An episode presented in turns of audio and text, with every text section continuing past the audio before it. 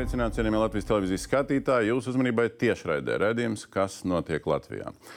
Ir 588. diena kopš Krievijas iebrukuma Ukrainā pērn.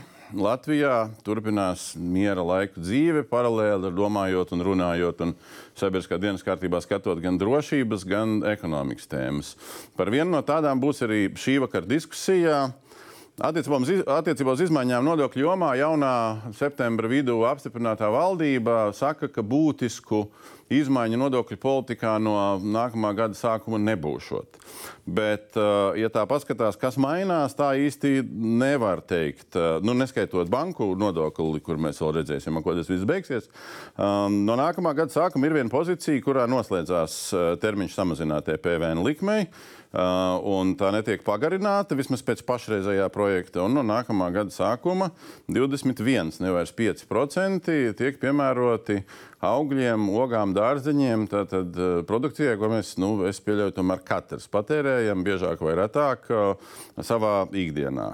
Um, Sesto gadu šis nodoklis bija 5%, tagad valdība um, saka, ka atgriežamies pie 21%. Lauksaimnieki un tirgotāji protestē, aicina to nedarīt. Parunāsim šovakar par to, kas ir argumenti par, kas ir argumenti pret, kas būs ieguvēji, kas būs zaudētāji un kas par ko cik maksās. Koalīcijas trīs politiķi tika aicināti un ir uh, klāti studijā pārstāvot šo jaunās valdības un jaunās koalīcijas politiku.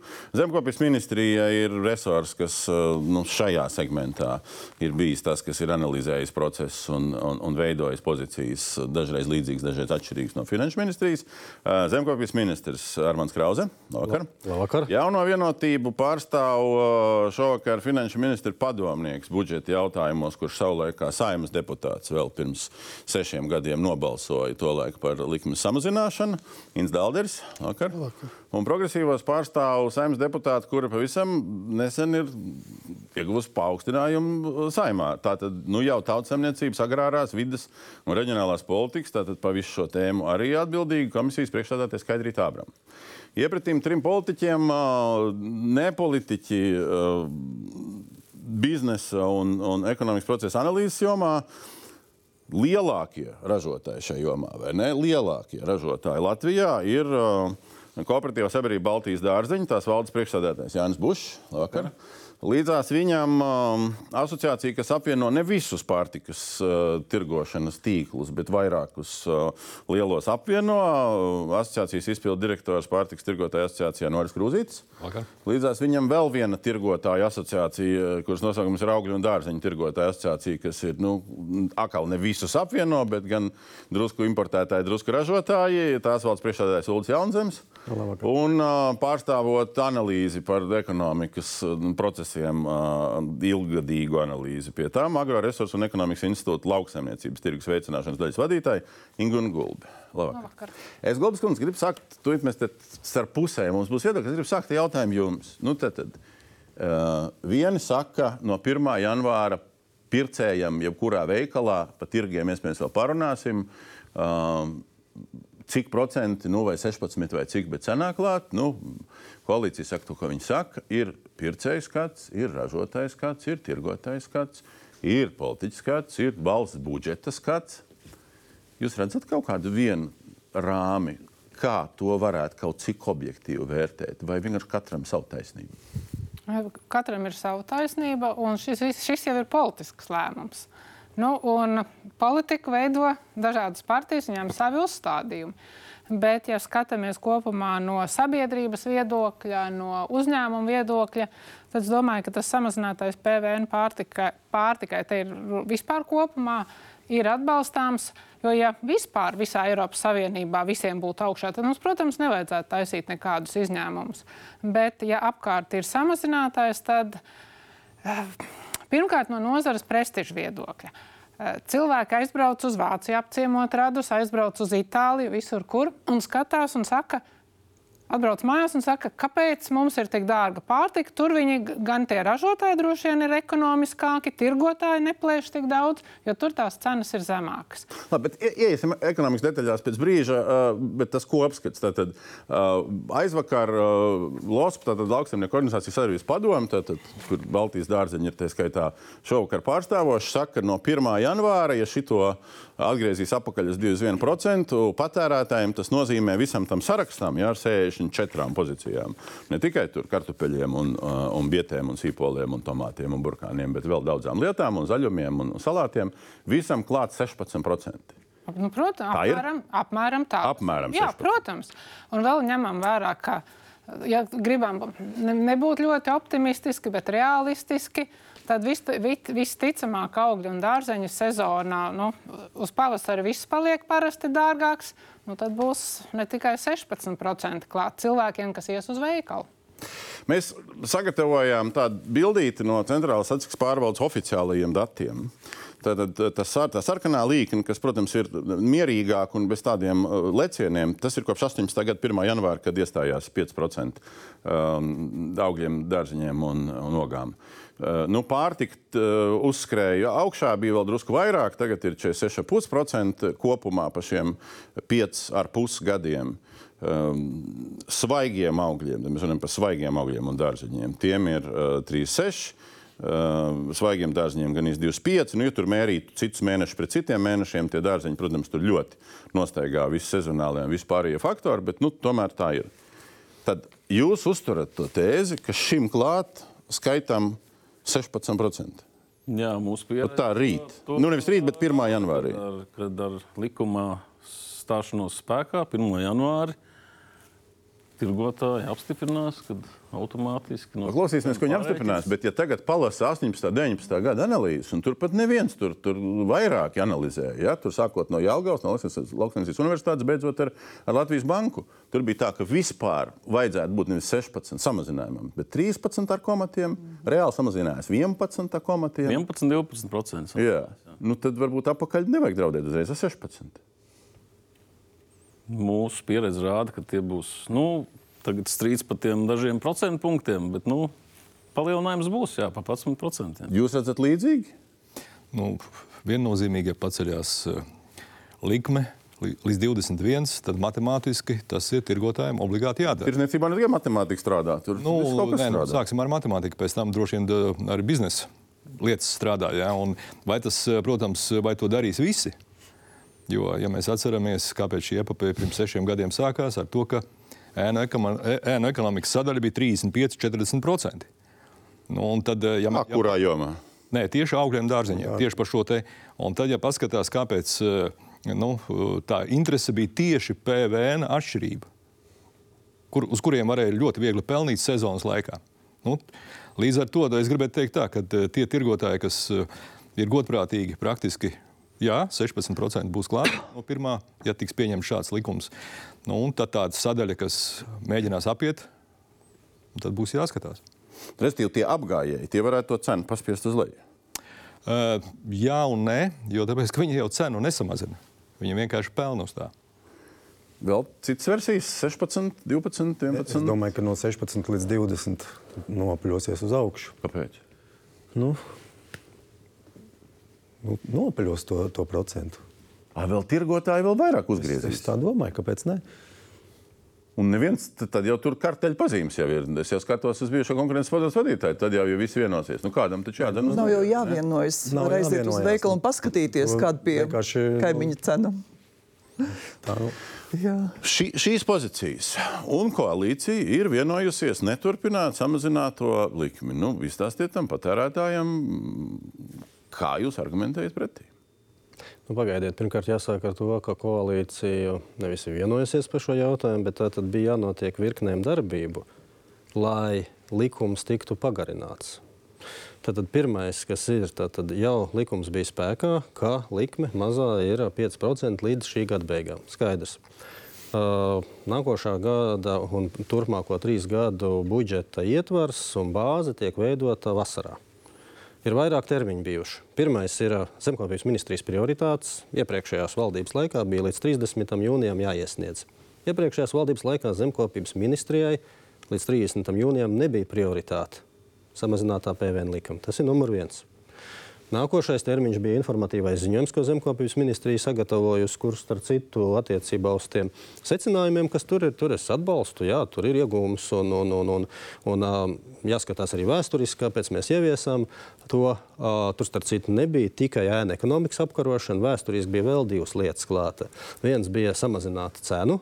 Un vēl trešā lieta, kas mums ļoti būtiski bija, arī palīdzēt vietējiem ražotājiem naudas plūsmu. Jo es atceros, tāpēc, ka es biju tas, kas par to cīnījās. Mēs papreparēsim bet tagad, to pagātni. Bet tagad paskatāmies, jūs sakat, ka tagad jūs kā jaunais zemkopības ministrs nevarat neko citu darīt, tāpēc, ka 15, līdz 15. septembrim Viss jau iepriekšējā valdībā tika izdarīts. Es izstāstīšu tālāk. Tātad 15. augustā valdība nāca klajā ar informatīvo ziņojumu par budžeta bāzi. 24., 25., 6. gadam. Šajās visās uh, datumos, ko es nosaucu, neviens no zemkopības ministrijas, uh, ministrs arī zemkopības ne, neteica, ka tā ir prioritāte. Tad mums ir jāpagarina. Tad, kad uh, jaunā valdība sāk darbu, mēs vienkārši bijām fakta priekšā, ka budžeta ietvers ir uztaisīts. Un tas tāds, vairs nav maināms. Tātad uztaisīts ir tāds, kur ir lielā PVN likuma. Mainīt var visu kaut ko, bet tad ir jautājums, tur ir 36 miljoni, kas ir ieplānoti, un mums uh, budžeta veidošanas procesā jāatrod 36 miljoni, jāiedod augļu un dārzeņu ražotājiem, zinot, ka turpat uh, vajag graudkopībai visiem, visiem pāriem. Mēs tam citu 16 Graudkungs. miljonus sagādājam arī. Palikam pie diskusijas formāta, lai tad kungi un dāmu var, bet, var atbildēt. Bet... Bet, bet, bet paliekam pie vienas lietas. Tātad jūs sakat, ka Zaļo zemnieku savienības pirmsvēlēšana solījums, ka jūs iestāsieties par PVN likumu samazināšanu, nu, pirmās nepieciešamības pārtiks precēm, nu, es pieņemu, ka kartupēlis un burkāns tur ietilpst, ja? varbūt arī gurķis un tomāts tur ietilpst. Un arī progresīvo pazemināsim PVN Latvijā raksturīgai svaigai pārtikai, tātad vēl vairāk kaut ko samazināsim. Tas nebija izpildāms. Un šogad tas nav izpildāms, bet tas, ko mēs esam ielikuši vēlēšanu programmā šodien, es un, starp citu, arī progresīvā pārstāvja, mēs bijām finanšu ministrijā. Un es kā zaļo un zemnieku pārstāvs pieteicu, tā ir nodokļu, nodokļu politikas pārskatīšanas darba grupa, kas jau pusgadu strādāja, un arī tā citai darba grupai. Tā arī tas tā, nav izdarāms. Paliksim pie tā. Grupā arī nebija, ne, bet, bet darba grupa ir pa nākotni. Un arī, paliksim pie šī brīža. Šogad tas nav izdarāms. Bet, darba grupā neviens būs. nebija līdz šim izteicis priekšlikumu. Un es šodien izteicu priekšlikumu, un uh, finanšu ministrs par 25. gadu izteicāt. Dzirdēju, ka mēs uh, liekam darba kārtībā samazināto PVN PVN pārtikai un ēdināšanai. Divām lietām. Un mēs no tā neatkāpjamies, Grauskungs. un mēs par to diskutēsim un debatēsim. Grauskungs. Mēs palikām pie tā, ko varēja daudz īsāk pateikt. Ka uz nākamo gadu nav iespējams. Ir iespējams, ja viss sametīsies, tā skaitā sabiedris... ja viss sametīsies. Sabiedriskie mēdī arī saka par savu priekšvēlēšanu solījumu, un vai piekrīt ZZS interpretācijai? Es domāju, ka šobrīd mazliet jau apstākļi mainījušies. Ja? Šobrīd jau ir iespējams arī e, tātad runājot par PVN samazināšana svaigai pārtikai. Jā, katrā ziņā es domāju, ka var atbalstīt, ka patēriņam, iedzīvotājiem ir ļoti svarīgi, lai ir lētas cenas Abrams, veikalā. Nerunājam filozofiski, bet, ka var atbalstīt. Ne, bet ir jaunā tā... valdība, jaunā koalīcija. Krauskungam ir taisnība. Iepriekšējā valdība jūs nolikusi ir eh, strupceļā, ka nevar neko izmainīt. Nu, iepriekšējā valdībā vispār mēs nebijām nekādā veidā pie galda. Mēs šobrīd. nezinām, kas notiek. Bet šobrīd, es domāju, ir arī cits risinājums. Runājot arī par mērķētu atbalstu, jo tiek izstrādāta sistēma, kas var aprēķināt maisaimniecību kaut kādu ieņēmumu, kas ir zem, un tā tad noteikti nevis tikai samazinātos PVN, ko visi visi bauda arī virs tiem 25%, kuri var atļauties pie kartupeli pa eiro 21, nevis eiro 0,5. Ja? Un tomēr mērķēt atbalstu. Jautājums ir par progresīvo priekšvēlēšanu solījumu. Samazināsim PVN likumu. Tur nebija uzrakstīts, mēs izmantosim mērķēto sistēmu. Bija uzrakstīts, ka tā nebija mērķēta sistēma. Nebija maisaimniecība mērķēta sistēma. Šobrīd apstākļi jau ir mainījušies. Ah, tāpēc svītrojam no, no tās priekšvēlēšana programmas. Kāpēc svītrojam? Ja mēs varam nu, šobrīd jau runāt par kaut kādu iespēju samazināt, tomēr mērķēt to darīt. Cilvēkiem sniegt atbalstu. Jaunā vienotība vecajā un jaunajā valdībā ir kādu nostādījusi neiespējamības priekšā ar augusta dokumentiem un lēmumiem vecajā valdībā? Grūti pateikt, nebija klātenīs koalīcijas sarunās, kurās tapu šī, šī vienošanās par to, kas ir tagad par prioritāriem pasākumiem, bet nu, droši vien, ka tas laika rāmis, kas, uzliek, nu, kas mums ir uzlikts, lai mēs šogad varētu apstiprināt decembrī budžetu, nu, ne, neļaud iespējas plašām diskusijām. Tā kā tās diskusijas šodien... Iespēja šovakar plašām diskusijām. Ko jūs sakat par Jā, to, kā politiķi saka? Divi komentāri no līdzinājā par tiem 33 miljoniem, ko vajadzētu samest priekš zemniekiem zemniekiem tas absolūti tā nav, jo PVN neaiziet neviena zemnieka kabatā. To PVN iegūmu, ja jūs rēķinat, viņš jau ir izņemts no visu pircēju maciņiem ārā. Tas ir pirmkārt. Bet otrkārt, es nepiekrītu vispār tai summai kā tādai, jo, ja atceramies desmit gadu atpakaļ, 70, tas ir 2010. līdz 2016. kad mums notika aktīva, aktīva diskusija, saruna un strīdi par šo samazināto likmi. Finanšu ministrijai galvenais arguments bija 30 miljoni dārzeņu tirgus, 21 mīnus 5, 16%. Tātad eh, budžeta caurums 48 miljoni. Šo 50 miljonu caurumu mēs nevaram atļauties, un tāpēc mēs nevaram ieviest samazināto likmi. Mēs toreiz likām priekšā savus argumentus, Eiropas eh, aprēķinus, kad tur ir citi faktori, kas kas ietekmē šo neizpildi. Mēs prognozējām 5 līdz 7 miljonu to, to caurumu. Mēs arī kļūdījāmies. Izrādījās tam, kad ir divi, divi komats tikai tā starpība. Tātad toreiz Finanšu ministrija kļūdījās, un man nav nekādas pārliecības, ka tagad jūs rēķinat to ienākumu, ka viņš būs. Man ir liela pārliecība, ka tas ienākums nebūs. Jo atgriezīsies atkal tā sadaļā ēna ekonomikas, kas tagad ir pazudusi, kas parādās statistikā gan palielinātie tonnas, gan, gan eiro pārdošanas, gan importa, eksporta. Atgriežoties pie vecās likmes, tas, tas uh, tas tā ēnu ekonomika atgriezīsies un atgriezīsies ar lielāku spāru. Tāpēc, kad uh, koku materiāliem, metālam, eh, graudiem, elektronikai ir reversais PVN, tur viņiem ļoti grūti izvērsties. Nu, tāds svaigā pārtika, tas ir tas lauciņš, kur visi gaida 1.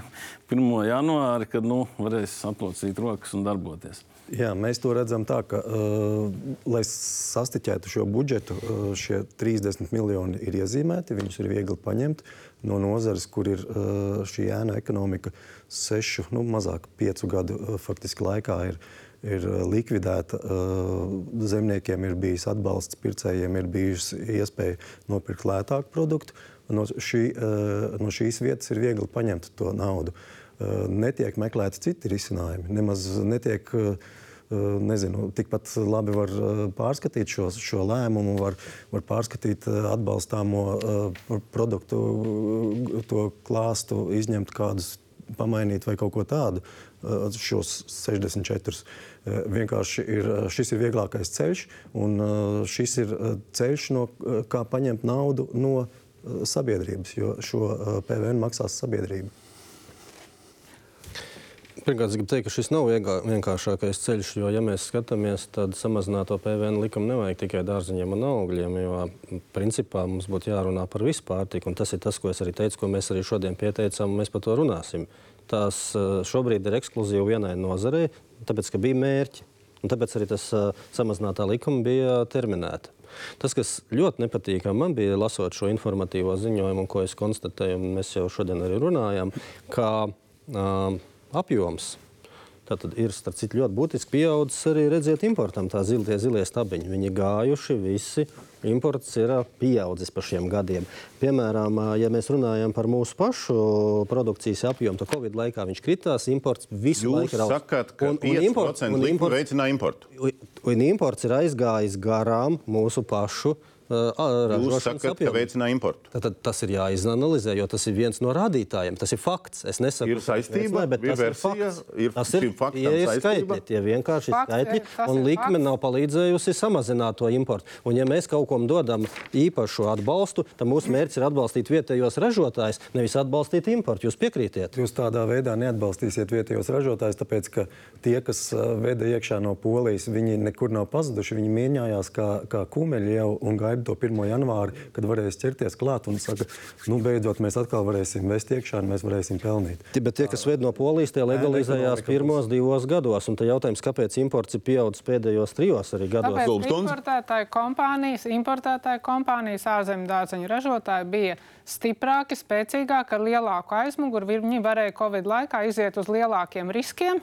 Nu, jo tā vis, vispār, COVID, tā, kad sākās Covid, ja bija viena panika, un otra pa- panika bija karš, kas sākās. vienkārši Energoresursu cenas. Nu, jā, bet tad, tie izsauca daudzas loģistikas ķēdes, izmaiņas, piegādes ķēdes, cenu kāpumus. Bija saimniecības, kuras pateica, mēs Jā, vairs- mūsu ražotāji bija tik vārgi, ka viņi tik lielu risku nevarēja uzņemties. Nopirkt iznāks, nesanāks, minerālu mēslu dārga, elektrība dārga. Tās ārzemju kompānijas bija stiprākas. Viņas, vai varbūt viņām bija kāda lielāka atbalsta vai kaut kas, viņas droši gāja un turpināja. Un šis nav tāds labs laiks, lai mēs tā klasiski varētu analizēt vispār nu, cenas, eksporta, importa un arī cenas visas pagāja uz augšu.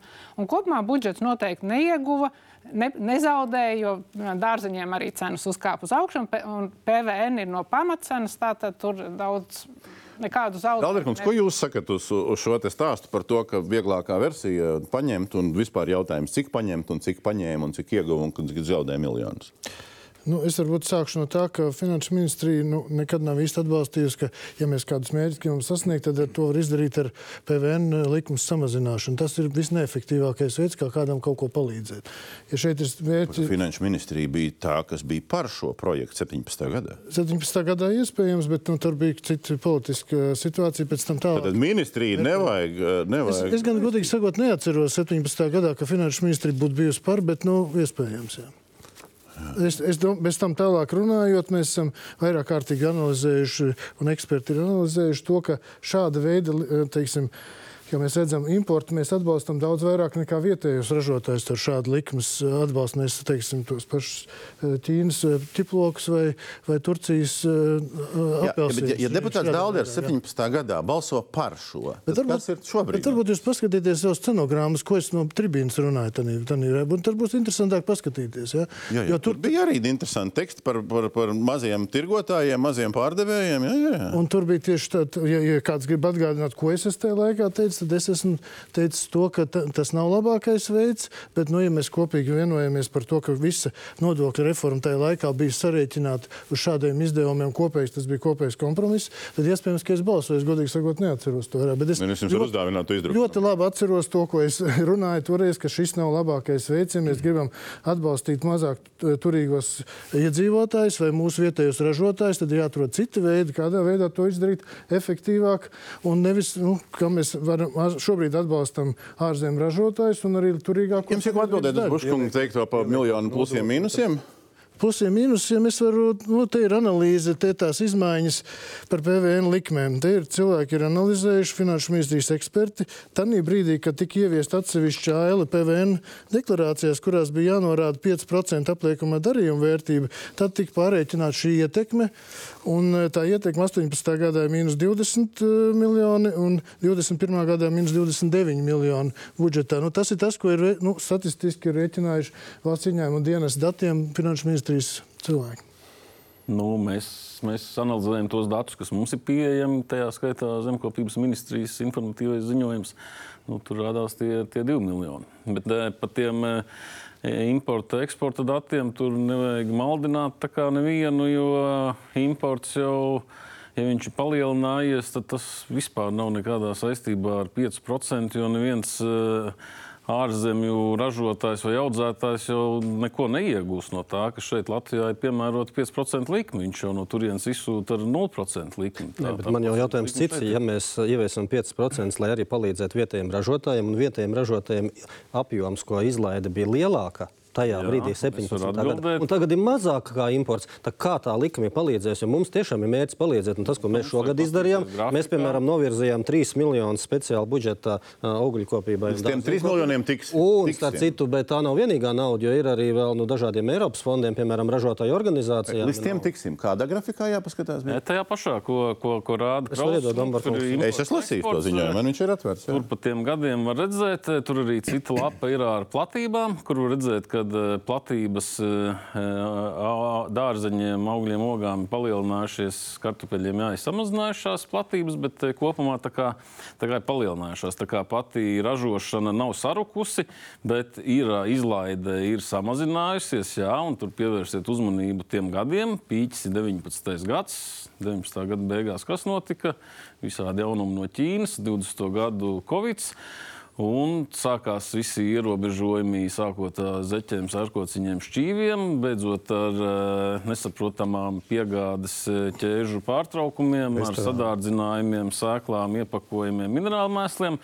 Un vienkārši zemnieki pie šīs neziņas nedaudz samazināja to savu ražošanu saimniecība nesamazināja platības, e, palika un, un palielinājās, bet tā kā nedaudz iebremzēja dēļ, dēļ, dēļ cerībām, vai iebremzēja dēļ tā, ka kaut kādi resursi nebija pieejami. Ir soloģi. Tas nav objektīvi, un tas imports tikai nu, saskaitiet ir. kopā, izlaidīja starpību imports, eksports. Tā, tas patēriņš 200 pāri tūkstoši tonnas, viņš jau pa gadiem ir vienāds. Imports tikai aizstāja to. Kāpēc imports tajos Covid gados nesamazinājās? Tāpēc, ka lielveikali labprātāk pirkt importu produkciju. Tā, tā sanāk. Zemnieki netika uz tirdziņiem, tie bija cieti. Un tas, pie, ko es gribu pateikt, tas 5% PVN nepalīdzēja. Iemetām lielveikalos. Iemetām lielveikalos. Jā, lūdzu, tad Jā, pasakiet. Nu. To jautājumu patiešām viņš ir divas daļas. Tie 16% patiešām skars patērētāju, un tas ir sāpīgi. Bet tas, kas mēs šeit tā diskusijas gaitā un arī pirms droši vien ministriju kontekstā nerunājam par iegūmiem. Un tie iegūmi ir ļoti būtiski, ja mēs paskatāmies šis, šie 5% likme audzēja augļu un dārzeņu patēriņu kopējo, gan vietējo, gan importu. Ja mēs skatāmies dinamiku, ja, tad mēs redzam, ka no 17. gada cik būtiski ir kāpus Latvijas dārzeņu audzētāju kapacitāte. Un tas bija tas mērķis, jo praktiski šobrīd tas ir tāds ilgtermiņa projekts, kas nav izdarāms dažos gados. Jo praktiski šobrīd ir vienīgā no nozarēm, kas ir spējis veidot kooperatīvus, kas jau ir šobrīd jau spēj konkurēt jau ar Lietuvas poļu kooperatīviem, kas praktiski nāk iekšā ar zemāku cenu. Un, ja mēs ejam uz šo tā saucamo pazemināto likmi, tas ir paaugstināto likmi, tad, lai samazinātu cenu, mums jāatrod lētāks pie, piegādātājs. Un tad jautājums ir tā, vai mēs gribam vājināt savējos, kur mēs esam īstenībā projekta pusceļā, vai mēs tomēr redzam mazliet vairāk. Šitien bija tā vēl uz konkurenci, ja savējie un savējo aizsardzību un brīvu konkurenci. Nē, tā, nē, nē, neiet runa par to. Šobrīd runājot par augļiem un dārzeņiem, Jā. ir ļoti būtiski, ka šis sezonas laikā, ka šie produkti nāk no vietējās zemes. Transporta izmaksas, ekoloģija. Tur ļoti daudz lietas, kuras ir ļoti svarīgas gan tirgotājiem, gan arī starp citu iedzīvotājiem. Nu, tirgotājiem nu, viņiem jānopelna. Nu, ja, ja tagad būs nu, jāpērk bez PVN no, no jāimportē, nu noimportēs bez tā, bez tā pieejas. 17. gadā visas tās diskusijas, kā notika, un arī konkurences padomus sniedz viedokli. Uh, Un viens e, no jautājumiem man arī bija, a, kāpēc tieši augļi un dārzeņi, kāpēc teiksim, ne piena produkti, ja? jo Latvijā patērē teiksim, divreiz mazāk piena produktu, sieru un kur augstāk pievienotā vērtība nekā citās ziemeļvalstīs, tai pašā Dānijā. Kāpēc tieši augļi un dārzeņi? Un tad tur bija teikt, jā, ka tur, lai patērētājiem būtu lielāks iegums, būtu lētāki, vairāk patērētu veselīgos dārzeņus un arī ražotājiem neapšaubām, lai nebūtu tā negodīgā konkurence no Ķīnas, pu, no Polijas puses un tā. Nu, Es domāju, ka mēs te ļoti runājam emocionāli, bet droši vien jāskatās uz datiem, kas ir iegūts un kas nav iegūts. Bet tie argumenti, ko jūs tagad atceraties 17. gadu, šie motīvi, jūsuprāt, viņi nebija korekti, pamatoti un loģiski? Um, nu, pirmām kārtām, konkurences iestāde vienmēr domā, lai patērētājiem būtu ieguvums. Ja? Lai ir spēcīga konkurence, lai patērētājs iegūst, lai patērētājs var atļauties vairāk lietot.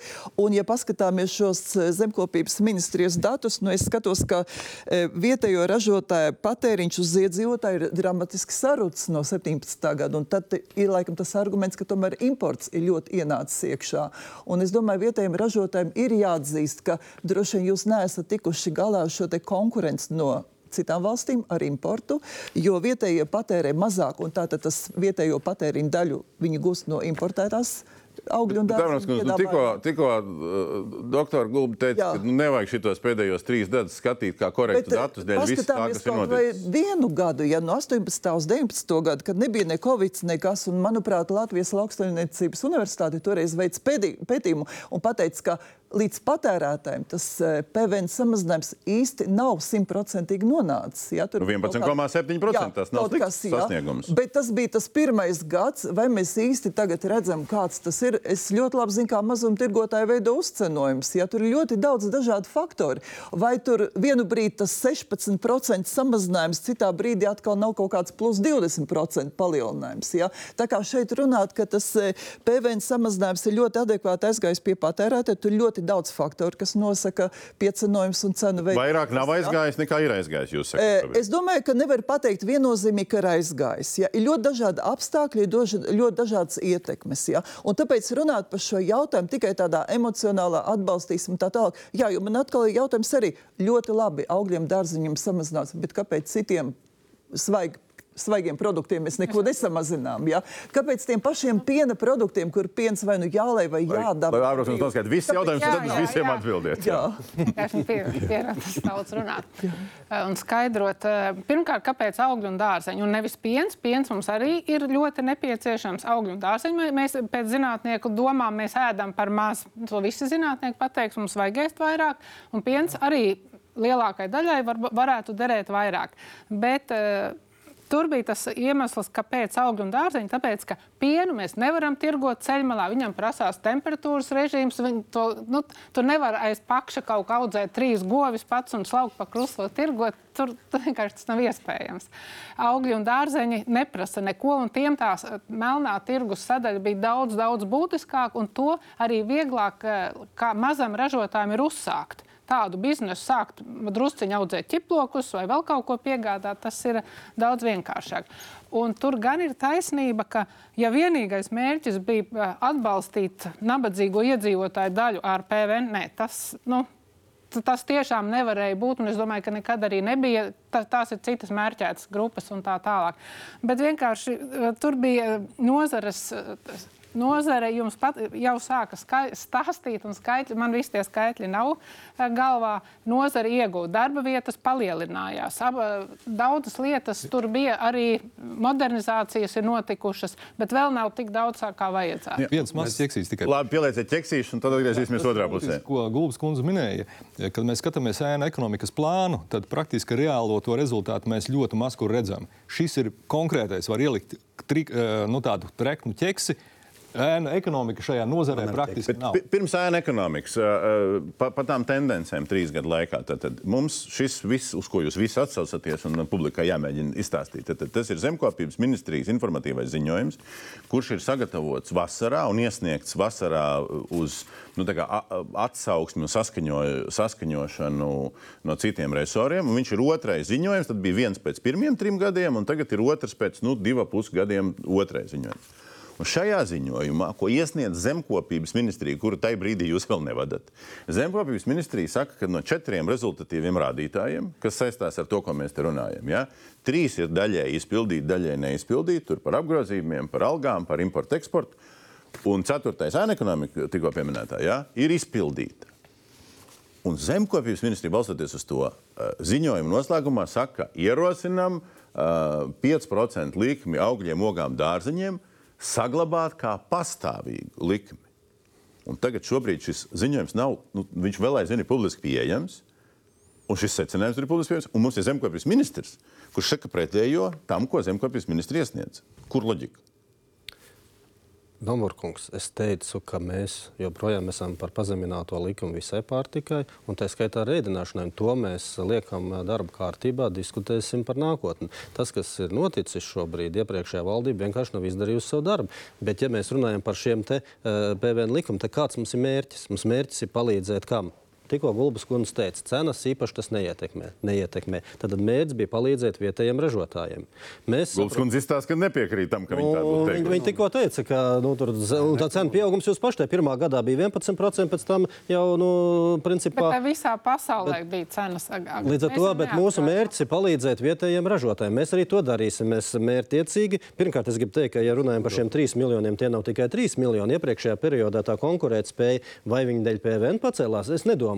Bija atbalsts uh, nozarei, ražotāju organizācijām. Tur tika ieguldīta nauda, investīcija modernākas, piemēram, apgaismojums siltumnīcās, lai mazāk elektrību tērētu, lai būtu labāk gaisa, ātrāk augtu tomāti. Tie ir daudz uh, gurķi, arī tie ir daudz lietas, kas jau bija no investīciju pasākumiem. Nākošā periodā arī būs tā nauda. Un tas ir mērķiecīgs. Gaida, tas, ir mērķiecīgs tas ir mērķiecīgs atbalsts. Nākošā periodā, piemēram, liekas, 2,9 jau ir ražotāju organizācijām, un, un tie ir miljoni, kurus var saņemt un mērķiecīgi konkurētspējas veicināšanai ir ieguldīti. Tā Piekrītu? tas ir. Nepiekrītu, ja izceļ vienu. Jūs to naudu neņemat, nesadabojat. 9 miljoni, kas liekas varbūt daudz, bet sāksim ar to, ka eh, mēs kopš iestāšanās eh, Eiropas Savienībā ir, ir daudz daudzas labas lietas nākušas un, un daudzas netik labas lietas. Un daudzas lietas nav izdarītas no, no politiķa puses. Abrams kundze mums pārmet, ka mēs neesam visai pār tikai PVN samazinājuši. Mēs esam pār, dodiet, parakstīsimies, ieviešam šodien. Tā arī par, par tiem atbalstiem. Globāli jau ir tā, ka iestājoties Eiropas Savienībā, mums ir kopējs preču kapitāla darba spēka tirgus, visi var braukt tur papakaļ. Tikai mums ir jāstrādā, nezinu, kāpēc dažādas konkurences apstākļos, jo tie atbalsta, atbalsta maksājumi Eiropā atšķirās 4, 5, 6 reizes. Un bija katru gadu solījums, ka mēs strādāsim, ka mēs 2017. Eh, gadā panāksim, izlīdzināsim tos eh, platību maksājumus, ja atbalsta maksājumus. Tad 25. tad jau tagad, es nezinu, nav laikam vairāk nosaukts tas cipars. Nu, mēs 4-5 eh, reizes mazāk saņemam tie, es domāju, kopā uz esošiem uz esošiem 20,000 hektāriem tie būs 10 līdz 30 miljoni. To, ko nozare neiegūst, to atbalstu, to, ko saņem salīdzinoši ārzemju ražotāji, kurus atbalsta valsts. Tas ir valsts atbalsts integrētājiem, nav tikai platība maksājumi. Tie, nu, integrētājs 400 vai 500 eiro par hektāru. Platība maksājumiem, jā, viņi tā. Cik jums ir, jūs pasakāt, 400-500 eiro par hektāru tas saistītais? Jā, jā. Nu, jā nu, tad, tas ir plus papildus. 2-3 tūkstoši par hektāru. Tad, tad kopā kaut kāds 700 eiro. Šād, šādos apstākļos. Nu, jūs sakat, e, ražotāji nemāk strādāt. Nu, es, to neteicu, bet mēs nu, it kā runājam par ierakstā, 5% PVN, bet jūs jau runājat par citu tēmu. Jā? Tā kā tur ne, mēs par, mēs par atbalstu maksājumiem tagad mums grib ar vienu, ar vienu kaut kādu 3 miljonu aizbāzt to caurumu globālo, kas mums tā kā, tā kā Jūs iepriekšējā periodā arī saņēmāt investīcijām no ražotāju organizācijām. Jā, jā, saņēmāt, investējāt. Jau mēs nesaņemam. Tas, tas ir konkurētspējas veids. Es piekrītu, ka bet tas jā. atbalsts ir palielinājies un uz atsevišķām programmām visu laiku nācis klāt, bet tas pamatbāzes finansējums viņš nav izlīdzinās. Mēs jau neprasām, jā, visu laiku ir atbilde, ka nav papildus budžets. Un tad mēs sakām, bet nu, panākat, kad Eiropā viņi samazina. Mums, ir, nu, tiešām... mums jau nevajag atbalstu, mums vajag vienādus nosacījumus.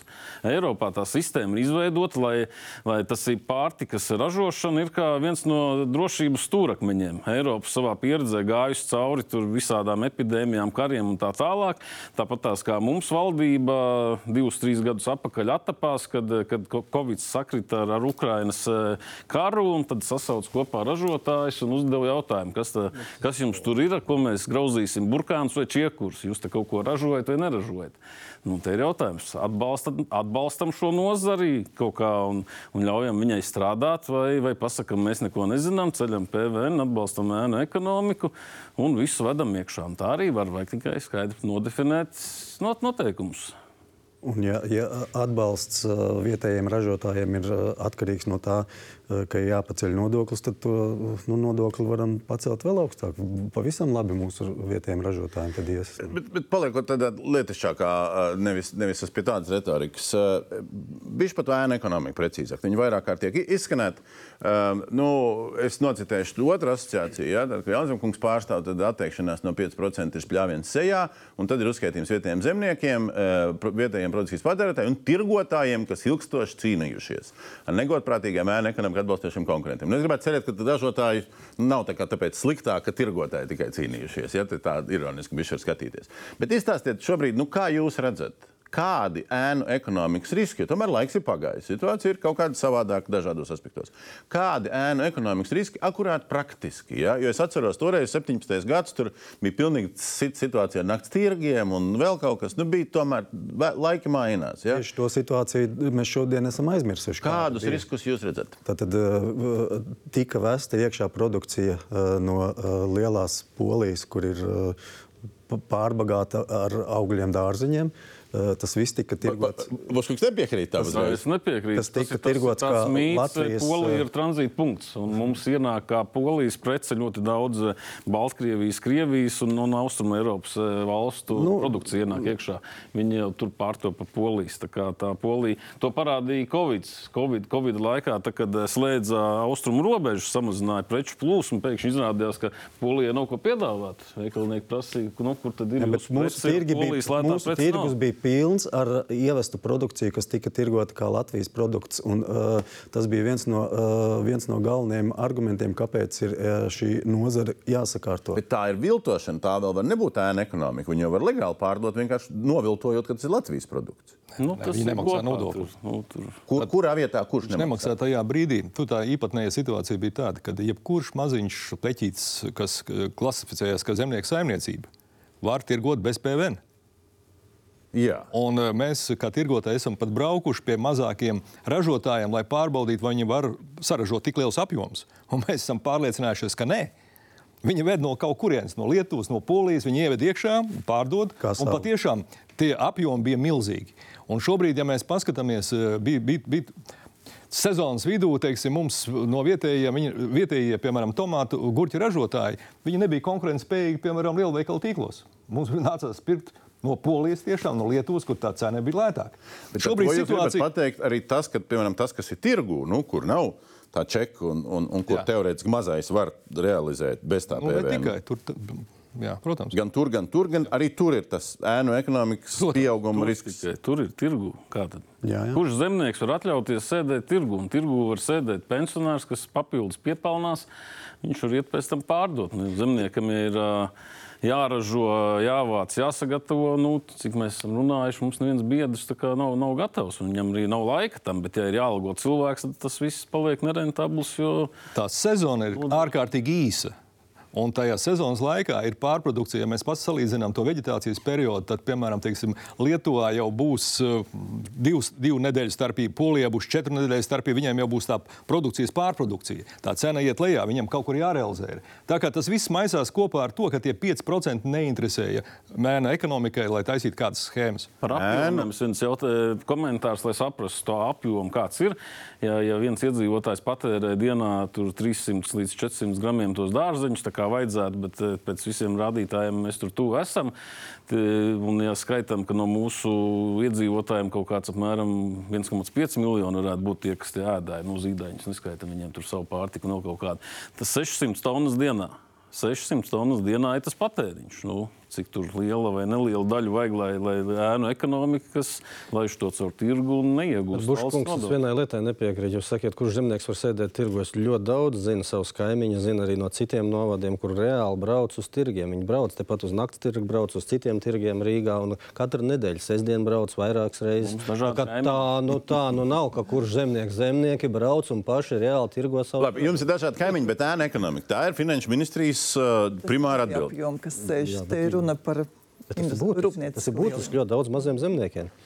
Uh, ēna ekonomikas uh, apkarošana, mazināšana, novēršana finanšu ministrijas jautājums. Tā pašā laikā, kad valdība uh, aizdītā vasarā radīja, uh, radīja visus plānus un budžeta bāzes un vispārējo, tā pašā laikā tāpa ēna ekonomikas apkarošanas plānu projekts. Tad viņš tapa mirklī, kad jaunā vienotība, to, to brīdi un, un, un, un tagad vadot finanšu ministriju, eh, paredzēja, ka augļiem un dārzeņiem un ogām būs 21 no 1. janvāra. Mēs šodien pārbaudījām kolēģiem. neviena vārda par iespējamiem riskiem no 1. janvāra. Tā ir plāna projektā, kurš tālāk nekur nevirzās. Neviena vārda nav. Tad tas tiek teikts, ka viss tas, ko tiek saka, tad nav nekādu ēnu ekonomikas risku. Nē, droši vien ir. Tur tā, droši vien tajā plānā var atrast vēl daudz, kas vēl tur nav. Nu, slikti. ja viss nav iespējams aprakstīt. Ir iespējams. Bet, eh, jebkurā gadījumā skaidrs, ka jebkura nozara, kurā ir ēna ekonomika, ja mēs kā galveno līdzekli izmantosim nodokļu samazinājumus, droši vien arī tur samazināsies ēna ekonomika. Bet nu, tad, kā mēs budžetu izveidosim no kādiem līdzekļiem, tas būs kaut kas cits. Jebkura nozara, kas šeit sēdēt, mēs paņemam, vai tā būtu celtniecība, tirzniecība, jeb, jebkura teiksim, nu, jebkuru mēs varam saukt, viņi grib vēlētos arī šo pašu samazināto PVN un tad teikt, ka mēs samazināsies ēna ekonomika. Mēs, protams, ka tā nekas politiķiem nav saldāks, kā samazināt nodokļus kādam, ja? bet no otras puses mums ir jādomā arī par to, kā mēs nofinansēsim tās budžeta vajadzības. Tā kā tas ir tas nepateicīgais jautājums, kas finanšu ministrijai jārisina. Jā, visām nozarēm, protams, nevar mazināt kaut kā valstī. Kurām, kurām tad jūs ieteikt, kurām nevajag? Ir jā, jāizveido. Nu, es neesmu tāds varbūt nodokļu speciālists, bet es redzu tas, kas ir reku, mūsu kopējā tirgu Eiropā, kur nospiedošā vairumā pārtikas produktiem ir samazināta likme vai nula likme. Un tādā, piemēram, Nīderlandē, kur bija samazināta likme 9%, viņi, cik es zinu, pēdējo gadu cīnās ar to, lai samazinātu no 9 uz 0 to likmi. Ja par Nīderlandi tad mēs šodien informējam. Kāpēc mēs esam tādas salas, kad uh, visu labo mēs pārņemam, visādas regulas mēs ieviešam, bet uh, nu, tāds PVN ir tāds, ko mēs nedrīkstam pārtikai ieviest samazināt likmi, lai lai atvieglotu pirmkārt iedzīvotājiem, jo tā masa jūs nestāstiet, ka, ka nav cenu samazinājums. Nu, tie Latvijas bankas e, pētījumi bija un, un, un universitātes profesoru pētījumi par tiem 12% uz, uz 300 miljoniem, tie ir 35 miljoni iegūmus pircējiem pircēji neiztērēja vairāk par, par dārzeņiem, bet viņi jau nekur nepazuda. Un tas, kas jums tur finanšu ministrijā Excelī neparādās, ka tie 3,5 miljoni nav jau kaut kur uz, uz offshore aizvest vai ir aizbraukuši Jā. kaut kur ārzemēs iztērēt ceļojumos. Viņi jau ir nopirkti citu pārtiks produkti vai saimniecības preces vai pakalpojumu apmaksāti. Un, un viss jau tas ir pēc tam rezultējies citā PVN sadaļā. Tur nav, nav tie ja zaudējumi tādi, es nezinu, no kurienes tas vienkārši. Tad tas būtu tiešām nav, ļoti eleganti, bet diemžēl tā tas nav. Un tas valsts budžeta sastādīšana šajā gadījumā nodokļu iekasēšana drusku sarežģītāk nekā jūs skaidrojat. Ja mēs samazinātu visiem tiešām šīs likmes ar domu, ka mēs audzēsim apgrozījumu citās jomās, tas būtu ļoti jauki, ja tā varētu šo budžetu sastādīt. Diemžēl tā tas nav. Bet tā visa Eiropa kļūdās. Tā kā, uh, par Nīderlandi runājot, šodien mēs runājam ar nodokļu ekspertiem. Uh, tieši viņi minēja tādu, ka Nīderlandē ir iz, ir tieši pētījums izveikts, ka tas atbalsts gan iedzīvotājiem, ko vēlās sasniegt ar šo pazemināto PVN, būtu iespējams sešas reizes lētāk ar mērķtiecīgi virzītu atbalsta mehānismu, nevis ar šo samazināto PVN. Vēsturiski jums ir taisnība, ir nodokļi valstis, kurās ir atsevišķām preču grupām, ir šie vēsturiskie teiksim, samazinātās likmes, bet zinot arī, nu, teiksim, kontaktējoties ar šo, ar šo valstu ministrijām, nu, jāsaka tā, ka viņi daudzi no viņiem nepārtraukti domā, kā tomēr unificēt šo PVN likmi un pēc tam tiešām mērķiecīgi atbalstīt tās politikas, kas ir tiešām nepieciešamas valsts vajadzībām. Nu, ir, tas ir tas, kā to redz finansisti parunājam drusku par tām, par tām likmēm, to Eiropu. Tur tas, ko Gulskundze sākumā aizskāra. Mēs ar kolēģiem mēģinājām te. Nu, mums bija doma, ka varētu karti uztaisīt, bet ļoti piņķerīgi, jo katrā valstī tur bija šķiet savādāk, un, un kartes formā to nevar izdarīt. Bet tas, ko tomēr var izsacināt, ka augļu dārzeņu ogas tas ir kaut kāds Latvijas specifiskais pieejams. Nu, nav citur šāda pieejama. Ir tur kaut kur ir uh, kaut kādi saraksti, vieni saraksti vai citi saraksti, nu, bet saraksti ir, bet varbūt ne šādi izdalīti.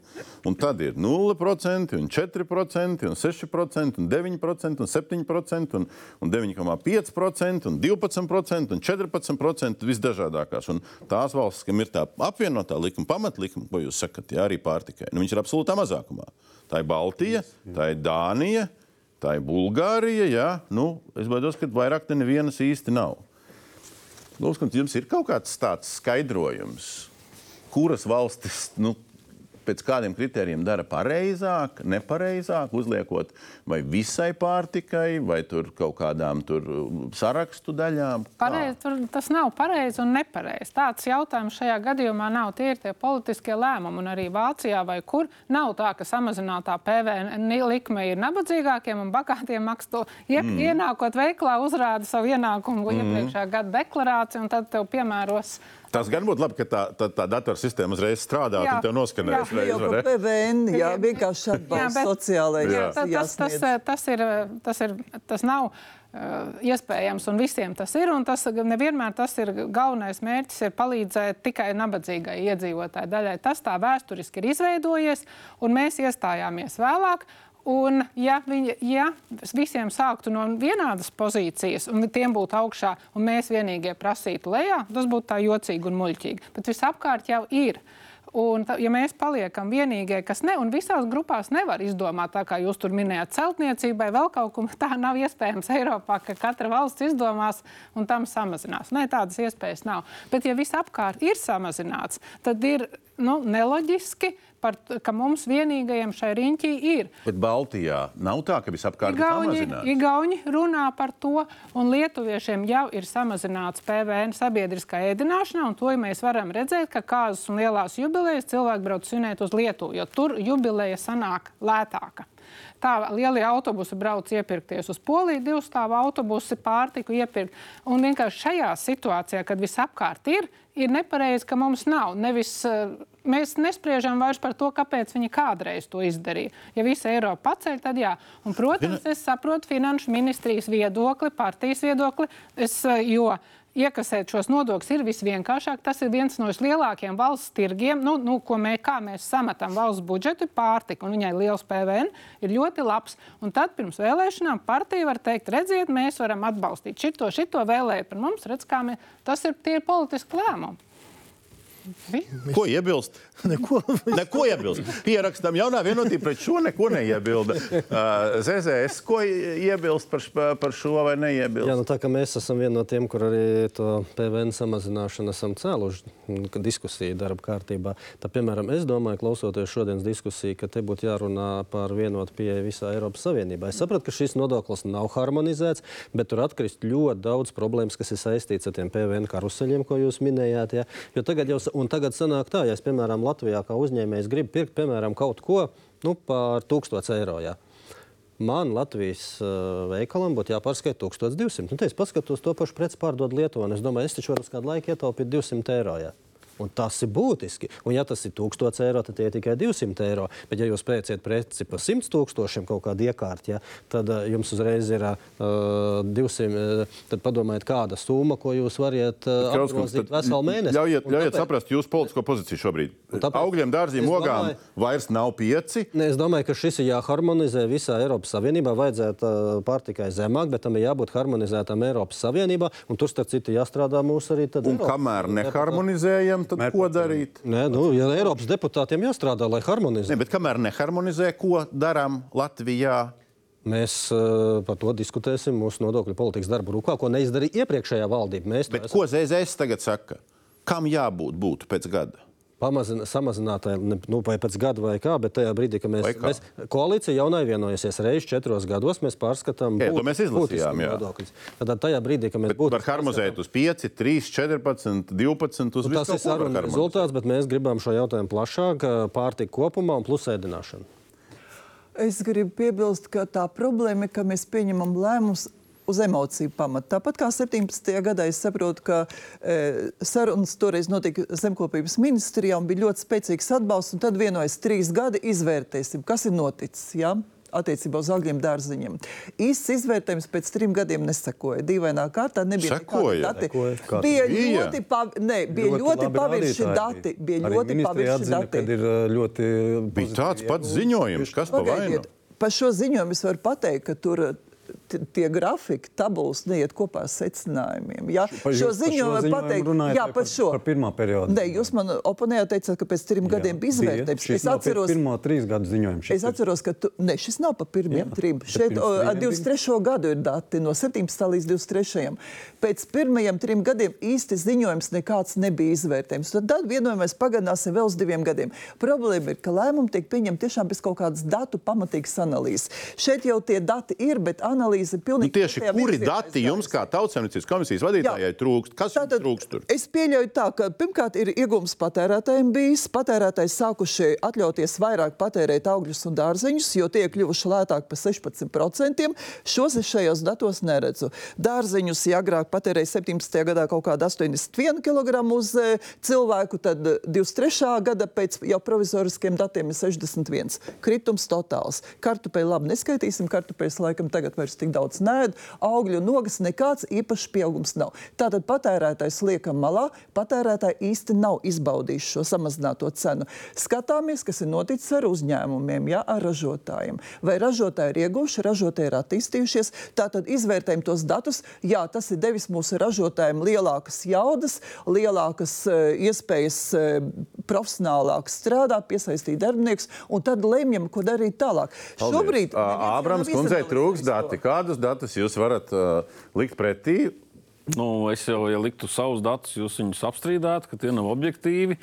Nu, es jums ieteiktu vērsties pie Latvijas bankas, tomēr autoritāra iestāde ar labiem speciālistiem. Viņiem jau tajā, man liekas, 18, 19, 20 gadā bija tie secinājumi konkrēti arī par tām cenām. No turienes arī tie 11,5% ir tas samazinājums. Es lasīju Nu, tos Latvijas bankas, Nu, bankas un nebija nu, sevišķi viņiem ja, ka PVN Jums jau viss iespējas izveidot, nezinu, Jā, bet, eh, finanšu ministrijai vai zemkop, zemkopības ministrijai. Jūs neticiet, izskatās. Bet eh, kāpēc ir ir salikti dati nākt un nav normāli datiem. izanalizēts? Ja? Un šobrīd mēs runājam tajā emociju līmenī. Zemkopības ministrija salikusi kaut kādus datus, nekāds vērtējums nav noticis. Ko darām tālāk? Ja būtu pamatot, ka tiešām ražotājiem tas ir devis iespēju attīstīties, Uzņēmēju ja? uzņēmējiem un uzņēmēji tā saka, tālāk, ka tas lūdzu, palīdz, tad lemjam par to. neticat, Bet šobrīd tas ir nolikts malā un neviens to nav izvērtējis īsti. Ja? Un finanšu ministrija principā jums ap- jāvērtē, Abrams kundze. Kāpēc man jāvērtē? Ja valdība par Bet to lemj, ja vēl pagaidām neviens nav, jā, PVN nav atnesis Mums ir jāsamazina pār, pār, pārtika, un mums arī jāvērtē tie finanšu dati. visi. Tāpēc es arī izlasīju šodien un konstatēju, ka tabulas daudzēs neiet kopā ar secinājumiem. Mums Nu, tā. būs jāvērtē jūs Tāds īsts komentārs. Nu, es pēdējo to zemkopības ministrijas tik rūpīgi neesmu lasījis, bet, ja mēs atgriežamies uz pirmajiem gadiem, tad zemkopības ministrija vāca precīzus datus no tirgotājiem, gan par cenu izmaiņām, gan par apjomiem.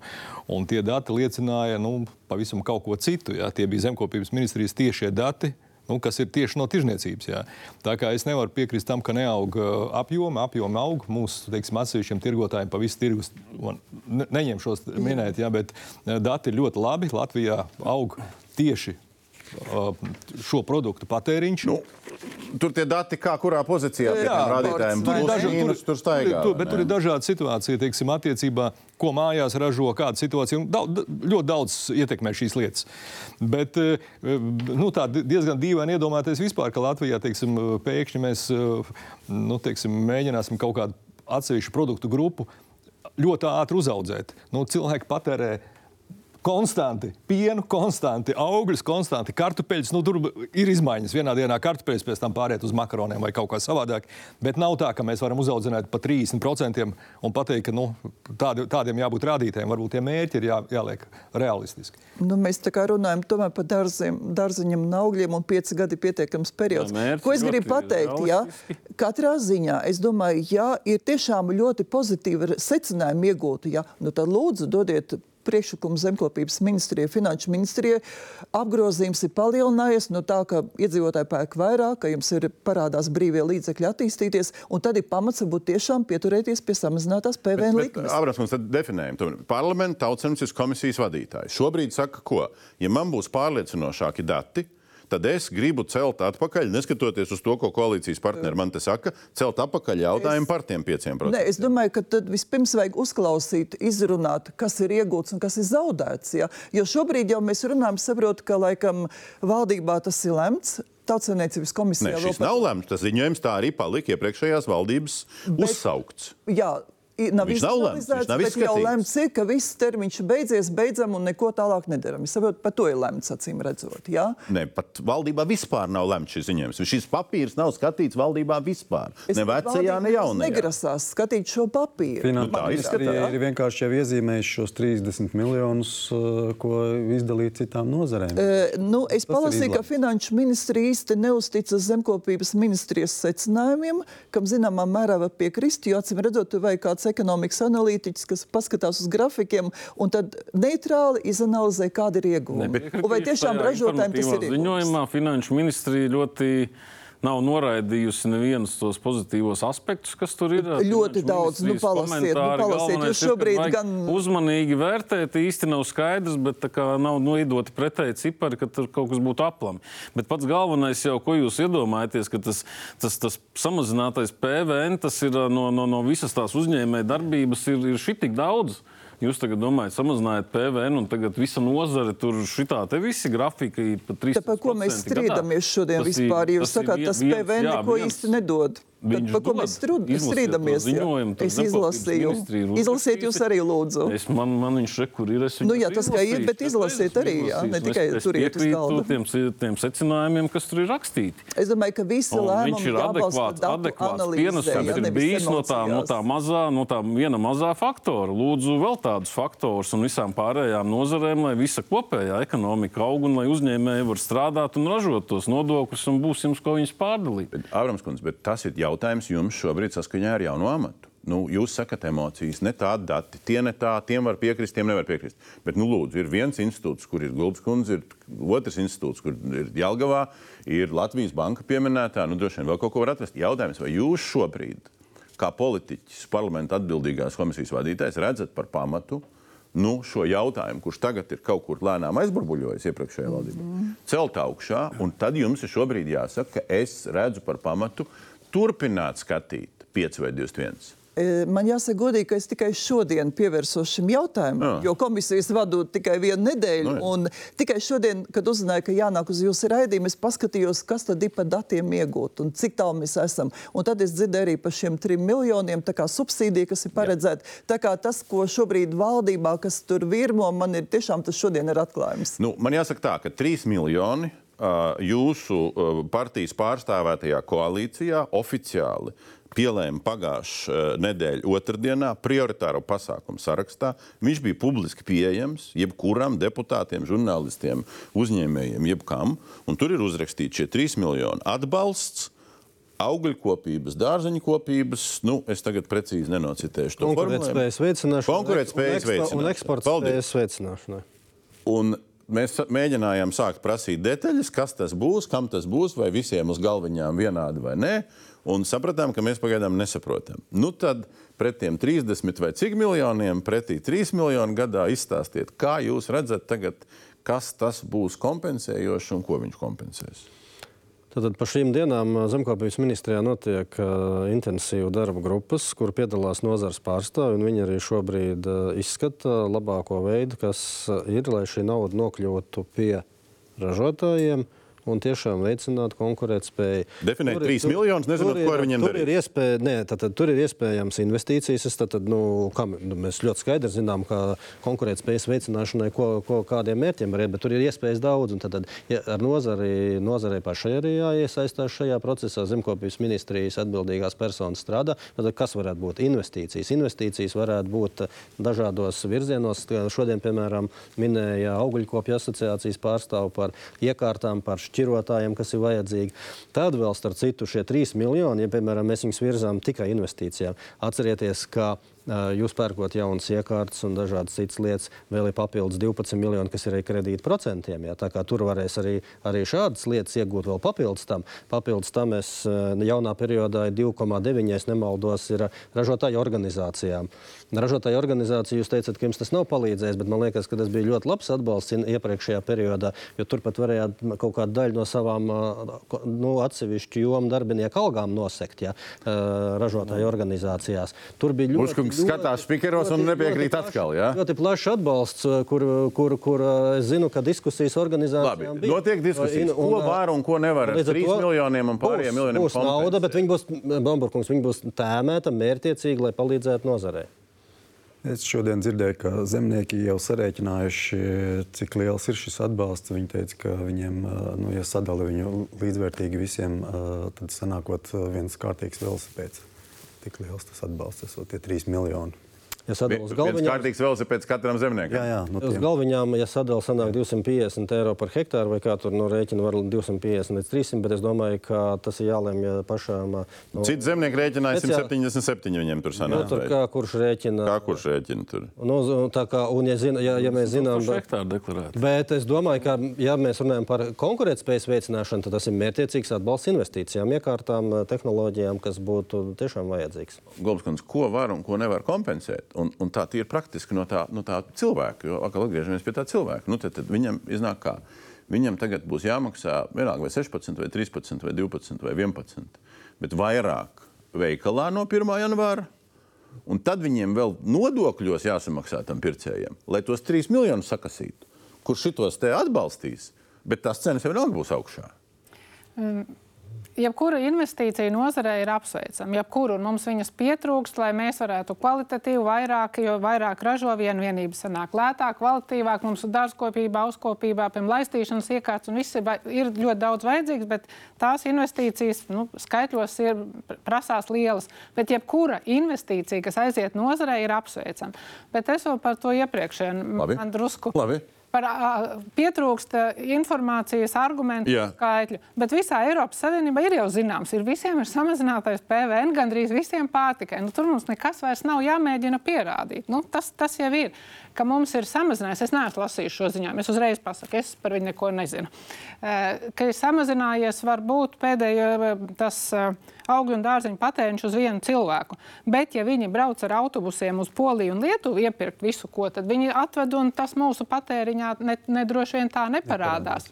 Tad, kad mēs svinam jubilejus un ēdam rosolu Lietuvā, tad tas arī tie kartupeļi un gurķi tur droši vien mūsu patēriņā nav iekšā.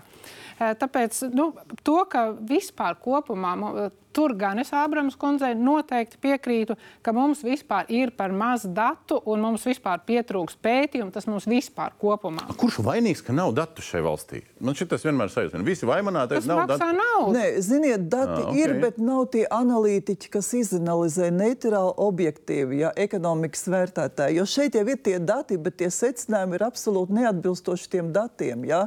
Un arī tad no vienas puses zemkopības ministrija, ko sarakstīs finanšu ministrija pretējo. Es domāju, zemkopības ministrijā sēž šie cilvēki, kas šito rakstīja. Viņi domā, tā, nu, vai krauzi rītā mūs atlaidīs no darba vai parīt. Nē, nu tie es saprotu, iepriekšējā laikam sēdēja. Viņi vairs kā iepriekšēji, viņi jau tur jo- strādā. Nu, viņi jau- kur tad viņi nav nekur aizgājuši. Neskatās uz viņu datiem, jā. Bet tā interpretācija tiešām ļoti, ļoti, bet tā ir vispār mūsu ministrija vājums, ka tiešām mums pietrūkst tās analīzes, ekonomiskās Nē, analīzes. ne, bet šis jautājums, ja, ja jūs piekrītat kā ministrs uh, Abrams kundzei, tad jums ir, piedodiet, jāatralaiž no cilvēka no darba tur.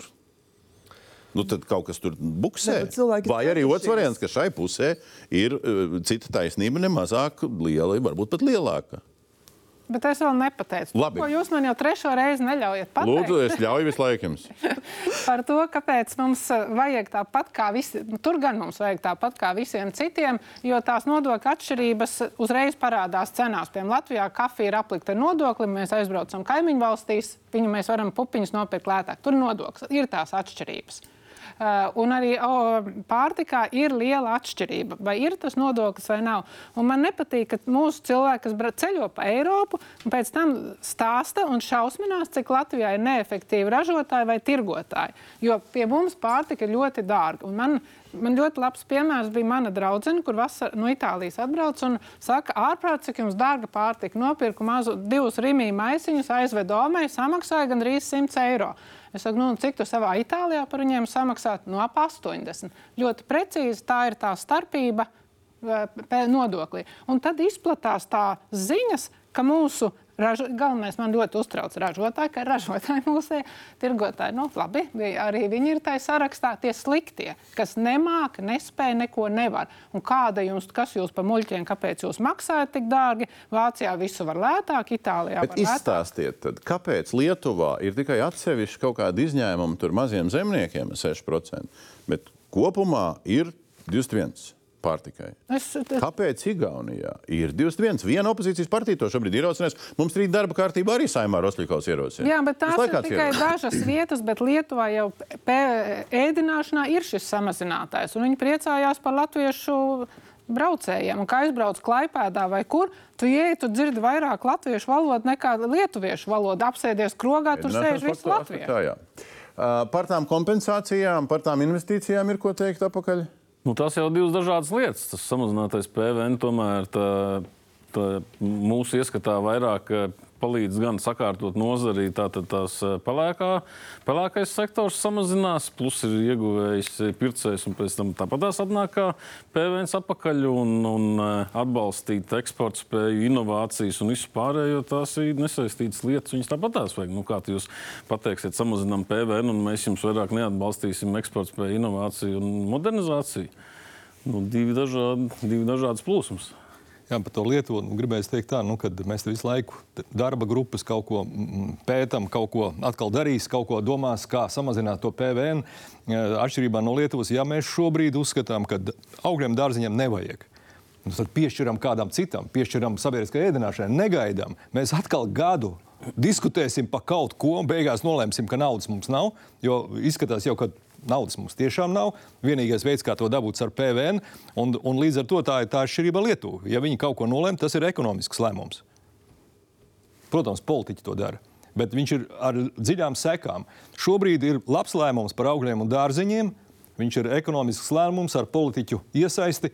Rezultāts ir labs. Nu, ok, kancelējam šo te, dodam kaut ko vietā, negaidām gadu. Nu, tas ir tāds uh, ārprāts, kas notiek. Jā, jo šobrīd tad sanāk tā, ka uh, mēs tad, uh, paceļam nodokli, bet uh, strādājam pie tā, lai visai pārtikai uh, samazinātu nodokli. Tad, sanāk, uh, nu, tad nu, strādājam, lai samazinātu, bet nepaceļam. Uz tēzi negaidām gadu.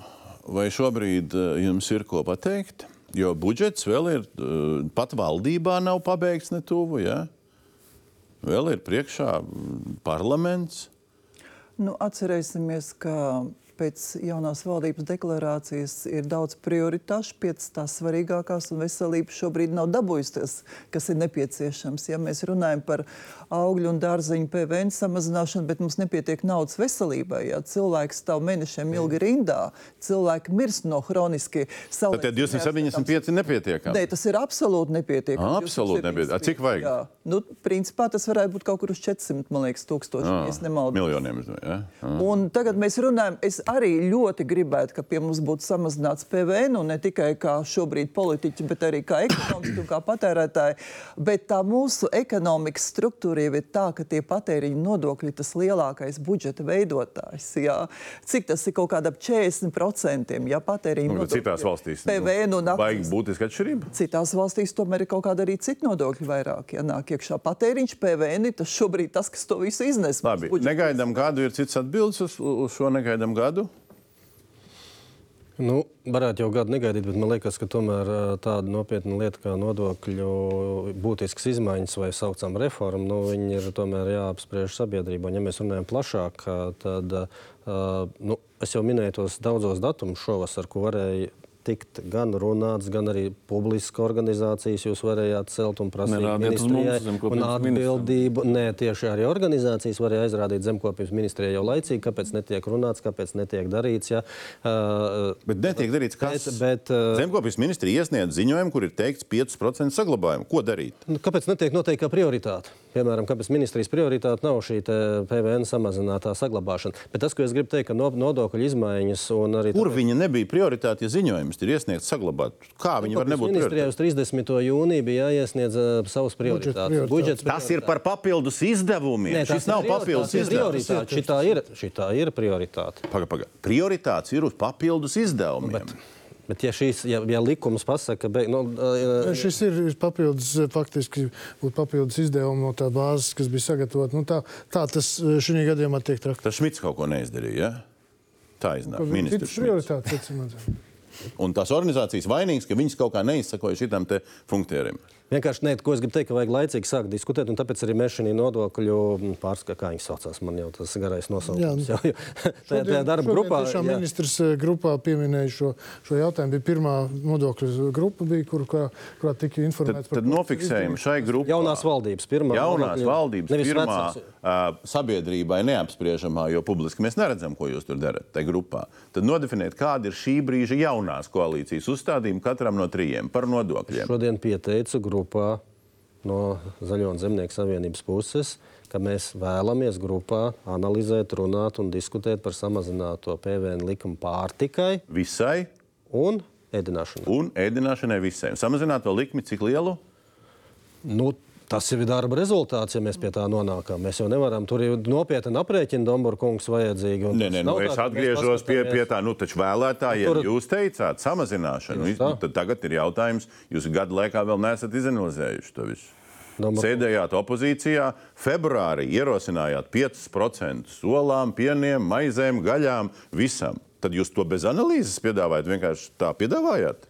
Mēs balstījāmies uz esošiem, piemēram, uz Latvijas eh, Lauksaimniecības Universitātes, tagad Biozinātņu tehnoloģiju universitātes Tad 5% visam. Un, bet mēs nekādas skaitļus šobrīd negribam saukt, tāpēc, ka Tad ZZS Jebkur- mainās. jebkuras Mēs esam 5. pagaid, jebkuras- Mēs esam pozīcijā, skaitļus negribam saukt. kuras izmaiņas nodokļos būs kopīgs koalīcijas lēmums. Es jau teicu, ZZS pozīcija. Katra no jums trījiem pozīcija. Es varu atbildēt, Lūdzu. ka jā, progresīvie. Bet tur bija vēl viens vārds - terminēti. Ja? Šob, tātad janvārī, februārī, kad mēs nācām ar to iniciatīvu, bija pagājušā gada inflācija 17%. Cenas gāja dramatiski augšā. Ja? Vēl bija ziema priekšā, elektrības apkuras rēķini. Toreiz tā bija tā situācija. Cita. Programmā es tādu vārdu tur īsti šajā teikumā Tieši neredzēju. konkrētajā progresīvo priekšlikumā, pavasarī, nu, tas bija ziemā kaut kad janvārī, kad bija ļoti dramatiski. Es runāju par priekšvēlēšanu solījumu. Tur nebija neviena vārda. Bet labi, pieņemsim, ka tagad jālasa terminētu. Bet es domāju, ka šobrīd situācija jāpavērtē. Ja? Kas, kas ir mainījies un kas ir noticis? Vēlreiz.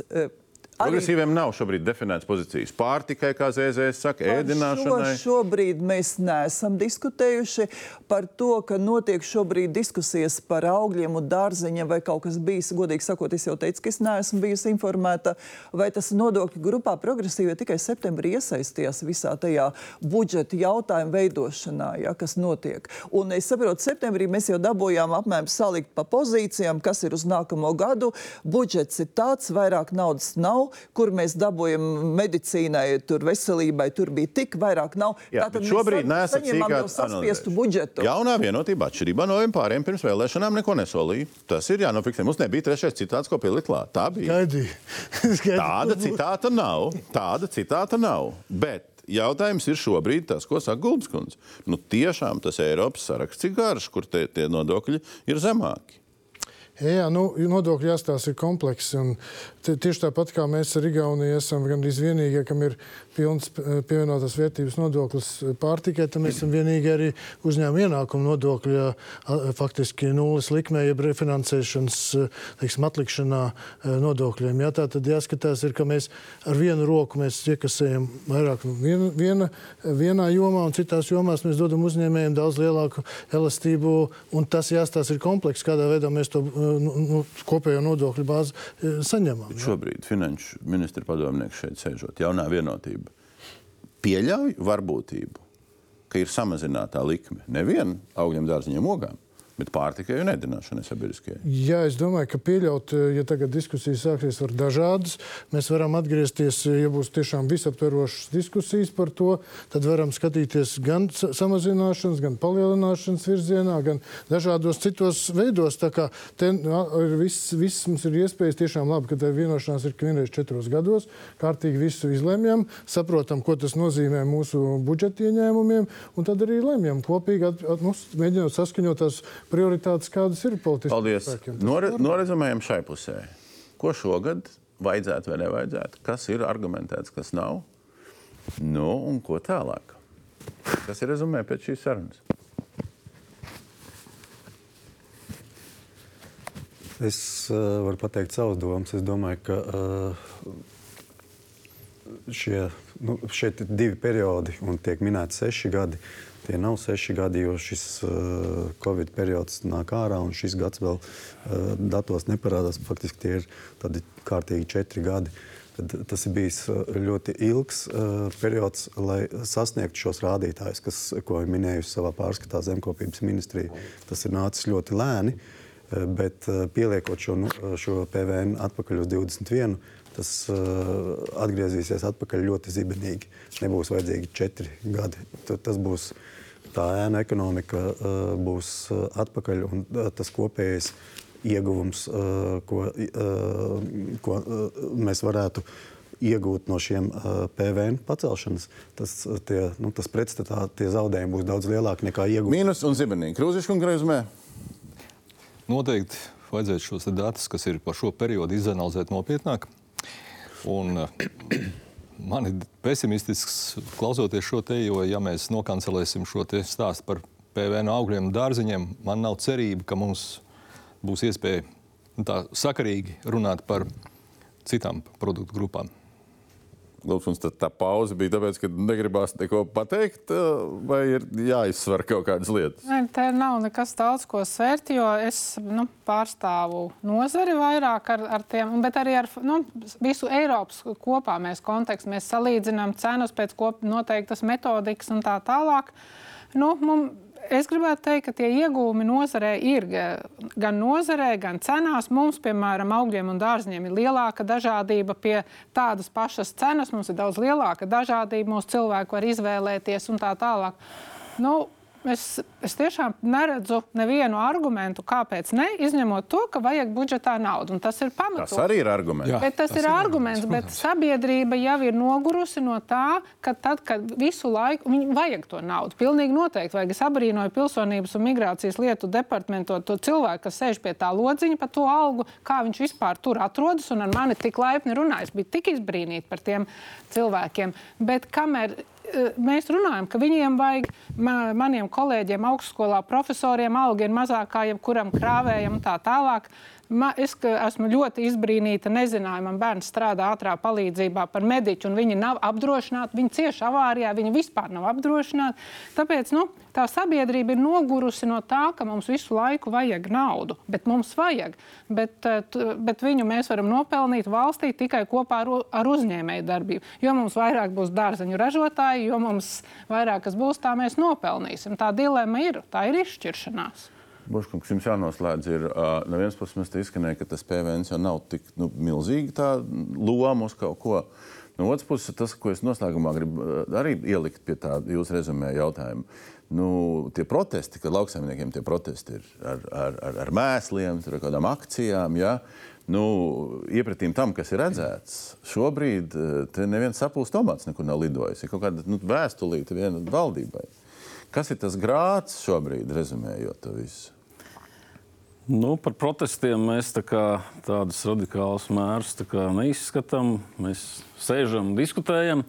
Ja par rezumē, par šī vakara rezumē mm. jūs sakat, tad rezumē viennozīmīgi, ka priekšvēlēšana solījumi ļoti īsderīguma termiņš. Uh, partiju nostāja ļoti mainās, vai kurā pusē viņi tur tā, nezinu, saimā, kas tur dalās pozīcija, opozīcija. Bet nozars rezumē ir viennozīmīgi jābūt samazinātam PVN pārtikai, bet ne visai pārtikai, jūras ķemītēm, dažādu krāsu ikriem un, un tam līdzīgām lietām nevajag, bet primārai pārtikai jābūt samazinātam PVN, tāpat tās kā visā civilizētā Eiropā. Un darba spēka nodokļus vajag pārskatīt, kas attiecās palielināt minimālo algu un palielināt neapliekumu notikumu minimumu. Nofiksējām ar šīm pozīcijām, pastīsimies, vai pēc mēnešiem, vai pēc citiem termiņiem, ar ko mēs turpināsim. Paldies! Es saku visiem, kas piedalījās un mēģināja patērētājiem, nodokļu maksātājiem un pircējiem nu, parādīt argumentus par un pret. Es no savas puses pielišu klāt vēl to, ka tika pirms dažām nedēļām pieteikts, ka mēs līdzās trešdienām, kas notiek Latvijā, taisīsim LSMLV portālā speciālaidumu sēriju ar visiem tiem uh, politiķiem, kuri kļuvuši par ministriem, kur mainās resoros. Kā zemkopības ministrijā, tā skaitā, kur mainās politiskā vadība. Sērija, raidījuma sērija sauksies, uh, kas jādara Evikas Siliņas valdībai. Um, pirmdien mēs sāksim ar kultūras nozari, nākamā piekdiena mēs turpināsim klimata, vidas, enerģētikas um, sektoru. Sekojiet līdzi pirmdienās un piekdienās. Šobrīd ir plāns, ka paralēli trešdienām uh, būs jauno ministru un nozares ļaužu un bijušo ministru diskutēšana, kurā virzienā iesim vai neiesim. Nu, Nākamā trešdiena, regulārajā laikā, droši vien visticamāk, mēs atgriezīsimies pie bankām un kreditēšanas. Paldies par dalību, paldies par uzmanību. Turpinājums sekos. Labvakar!